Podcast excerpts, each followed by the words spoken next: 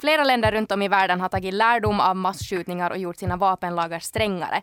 Men i USA, som redan har haft över 200 massskjutningar det här året, så verkar svaret på problemet vara mera vapen. Men hur ser det ut i Finland? Är skjutvapen också ett problem här och hur ser våra regler egentligen ut?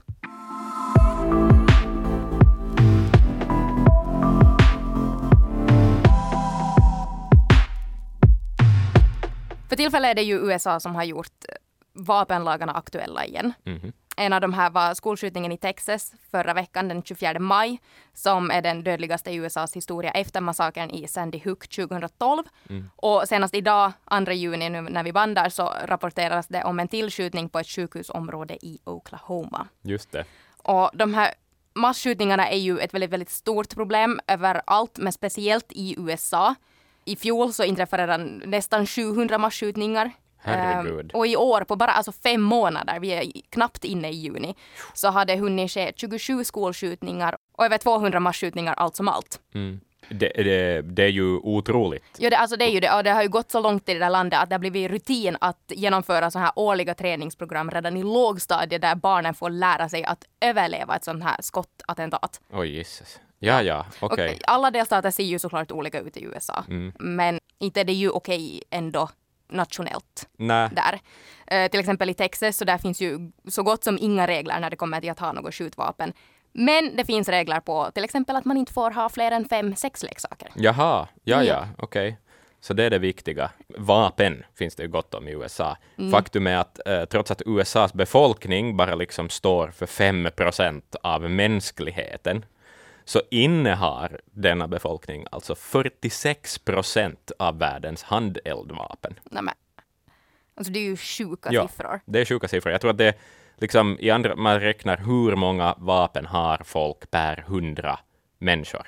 Så i USA är det liksom 120 vapen per 100 människor. Det finns mera vapen än vad det finns människor i Mm. Ja. USA. Så Ja. det är ju, måste ju vara en bidragande faktor. Ja, absolut. Mm. Och just det här att man bara på vägen efter mjölk i butiken kan plocka upp en pistol. Ja, Men jag kan passa på här att också nämna att alltså när vi i det här avsnittet nu då pratar om vapen så menar vi skjutvapen. Ja. Och om vi plötsligt pratar om några andra vapen så då kommer vi att säga till. Men Japp. att säga skjutvapen varje gång blir kanske lite uttråkat. Eh, Skolskjutningar, massakrer, eh, massskjutningar och så vidare, det är ju inte ett problem som bara existerar i USA. Det händer ju eh, överallt i världen, eh, också, och i Finland för den delen. Och det verkar åtminstone som att länder som det händer sådana här saker i, att det märks sen i liksom lagstiftningen. Att, att politiker gör något åt saken. Jepp, ja absolut. Alltså man tar nog verkligen lärdom Mm. eh, av det här, förutom då i USA.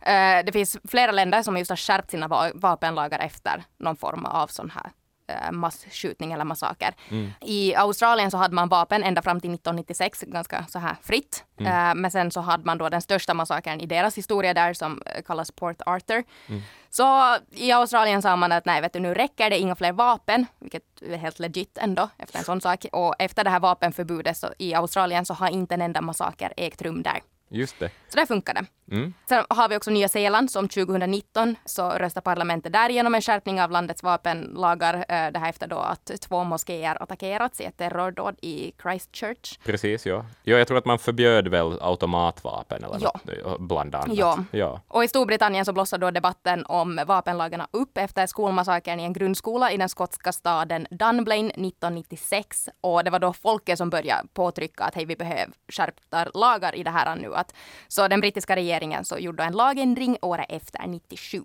Precis, ganska snabba, snabba ryck där ändå Ja. ett år efteråt. Japp. Ja, Någon som inte har riktigt varit lika snabba, så det var Norge. Mhm. Eh, redan före det här terrorattentatet på Utöja 2011 så hade Norge ganska hårda vapenlagar. Att man skulle ha licens, man skulle vara över 18 år och man skulle ha en giltig orsak för att få ha ett vapen. Mm. Eh, men det här blev ju då nya diskussioner efter uh, Utöja. Men det var först 2018 som de gjorde eh, ändringar. Precis, just det.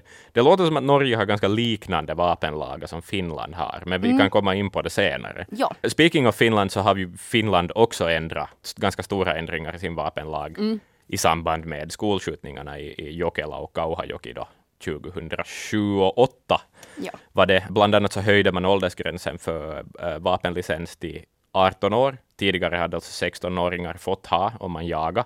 Mm. Eh, och handeldvapen då, som mest används i sportskytte och sånt, så då höjde man det från 18 till 20.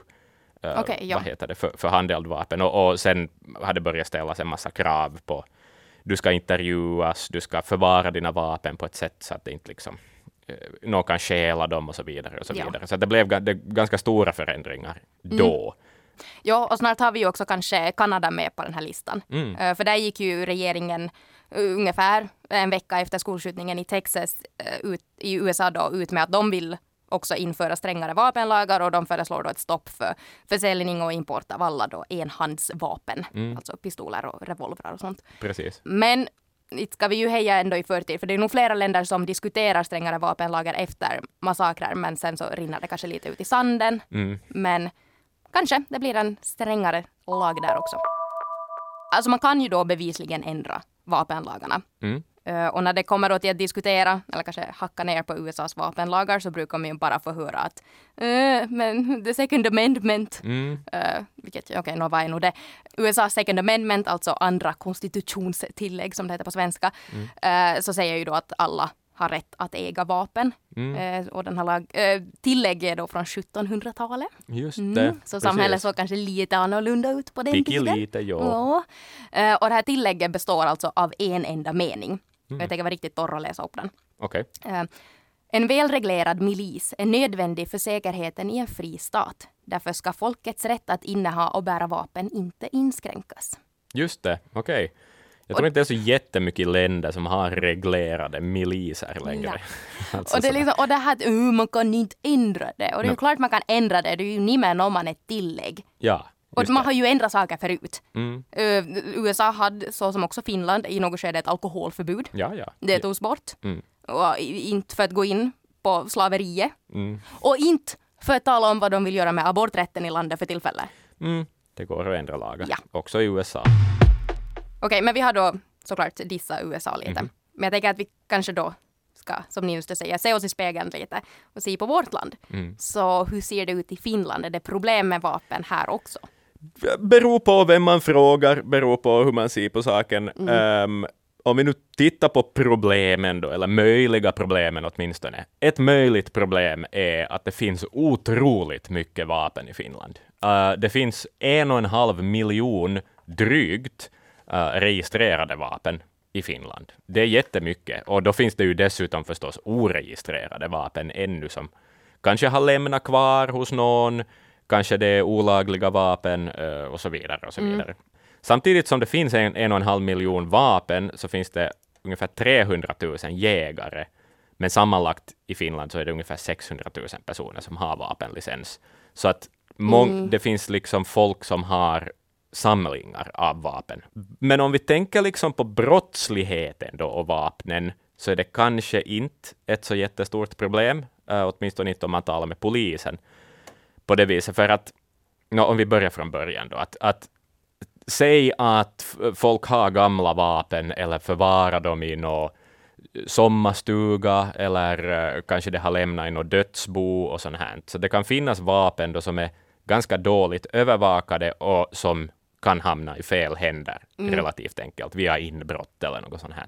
Men som jag sa, polisen ser kanske inte som ett problem för att nå, jämför vi till exempel med Sverige så är skjutvapen våld ett, en annan sak och den här liksom gängrelaterade kriminaliteten är en annan sak. Ja. Vi har inte kommit dit ännu eh, i Finland. Polisen vet nog också det att, att liksom, ehm, de vapen som hamnar hos då, till exempel organiserad brottslighet, så en stor del av dem kommer från Finland. Det är just de här inbrotten hos folk som har vapen och så vidare. Och så hamnar det i fel händer. Men anledningen då varför man inte ser det som ett kanske stort problem är det att man märker inte av det här i liksom våldsstatistiken. Att även om brottslingarna har mera vapen än vad de har haft tidigare, så märks det inte i liksom antalet våldsamma brott. Man kanske mera så här har en, som en bokklubb, Ja, en pistolklubb och bara se på den här fina grejen här. Den precis. har en så här inristning. Ja, Vilket ju kan vara helt fine, ända Mm. tills någon blir skjuten i misstag på en bar som det hände här i Helsingfors. Jo, jo. Eh, men jo. Ja, men och vi vet ju alla att gangsters i allmänhet gillar saker i överflöd. Ja. Liksom sådär, oavsett om det är kokain eller om det är vapen. Liksom Mm. sådär. Det, det är nice att ha mycket av det för att det ser farligt ut. Men sen kan man ju då fundera på hur det finska systemet med vapentillstånd och så vidare, hur det liksom motverkar att fel människor får tag i vapen. Och det är nog ett ganska genomtänkt system ändå. Eh, det är en jättebyråkratisk process då du ska ha vapenlicens. Är någon överraskad? Nej, inte när det kommer till Finland. Nope. Allt är byråkrati. Allt är, och, och, det här är absolut det. Om du söker vapenlicens för första gången så kommer du att, du ska lämna in din ansökan förstås, så kommer du att intervjuas av polisen. Man behöver visa varför man behöver ett vapen och då kan det hjälpa med att ha något intyg på att du kanske är med i en jaktförening eller en skytteklubb eller någonting sånt. Polisen kommer att granska ditt brottsregister förstås. Och om de misstänker att du har någon sorts hälsomässiga anledningar till att inte ha ett vapen så kan också polisen be folk att få till en läkare och, och få ett intyg. Och då har också läkaren rätt att liksom neka dig eh, att du, du ska få det. Och det. Det har dessutom kommit några nya grejer i den här lagen också. Att handeldvapen, alltså pistoler då främst, eller vad polisen kallar för speciellt farliga vapen. Jag antar att det är olika halvautomatiska vapen och sånt. Ja. Så att om du får, söker en sån licens så kommer din licens bara att gälla i fem år först. Och sen måste du liksom ansöka om det på nytt. Om du inte gör det så blir du av med den licensen.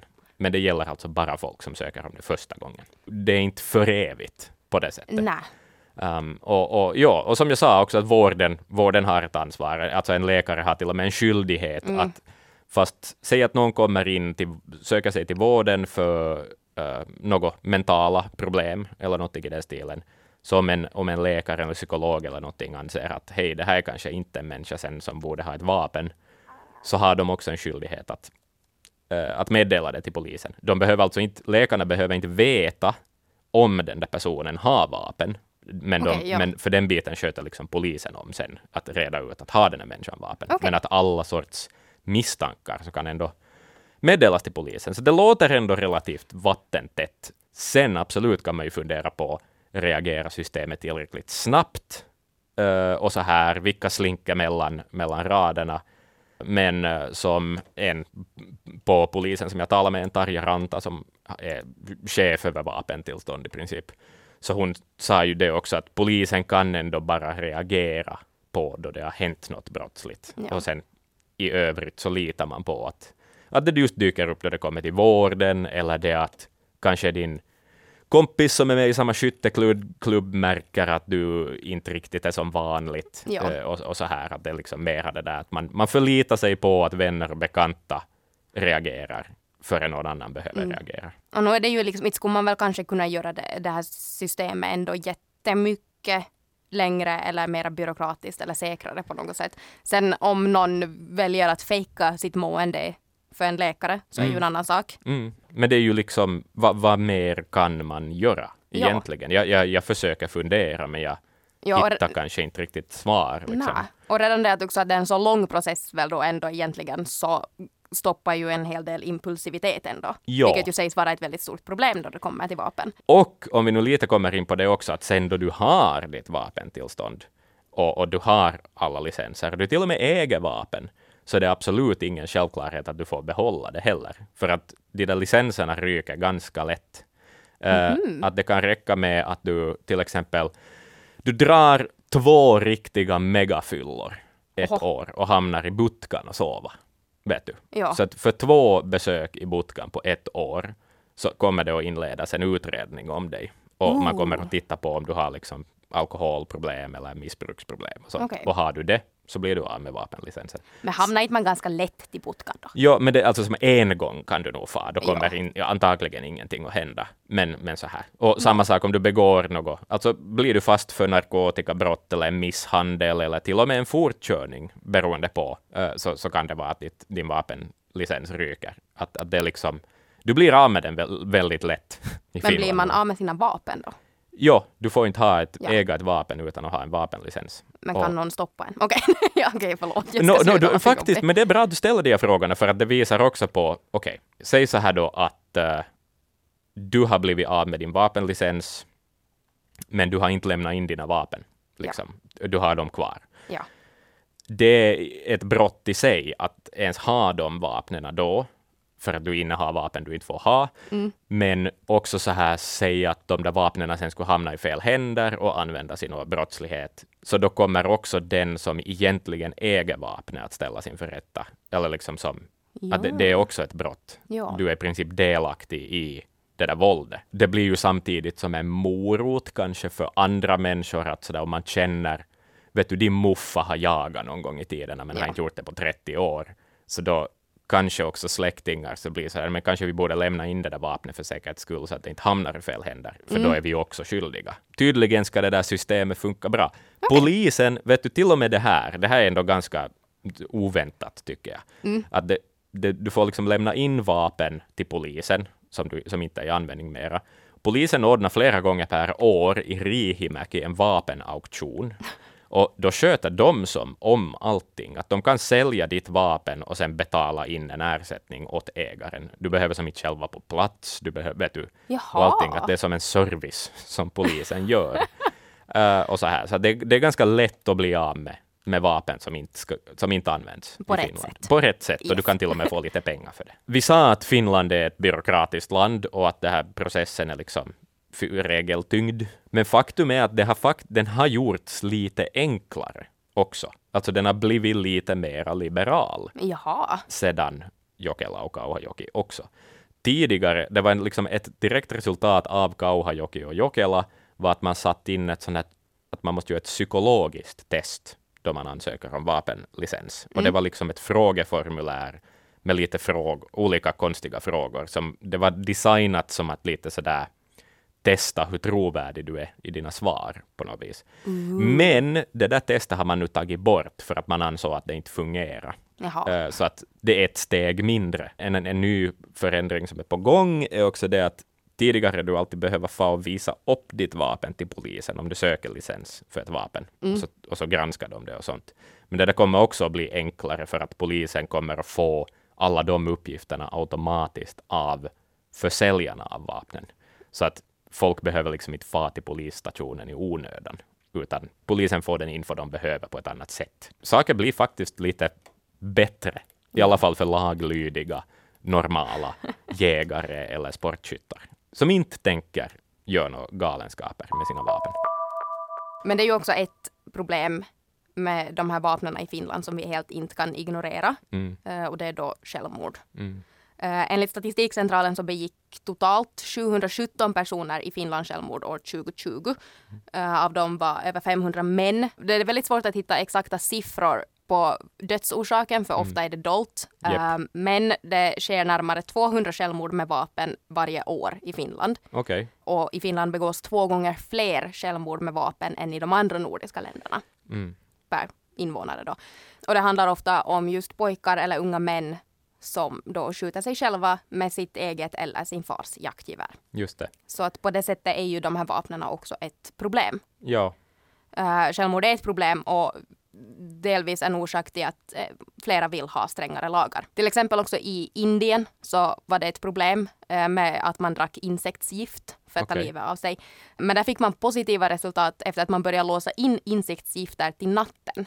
Så Okej. då sjönk självmordsstatistiken. Eh, men sen också ska inte vara helt ignorera det att eh, statistiken också säger att ungefär hälften av självmorden i Finland begås av personer som är berusade. Mm. Så där ska man ju också kunna tänka att måste man då begränsa eller förbjuda alkohol? Jo. Låsa in det till natten? Eller är det det att vi borde skapa ett diskussionsklimat där folk kan erkänna att de har alkoholproblem Ja. och så vidare. Att det, här är ju en, det, går, det blir ju en...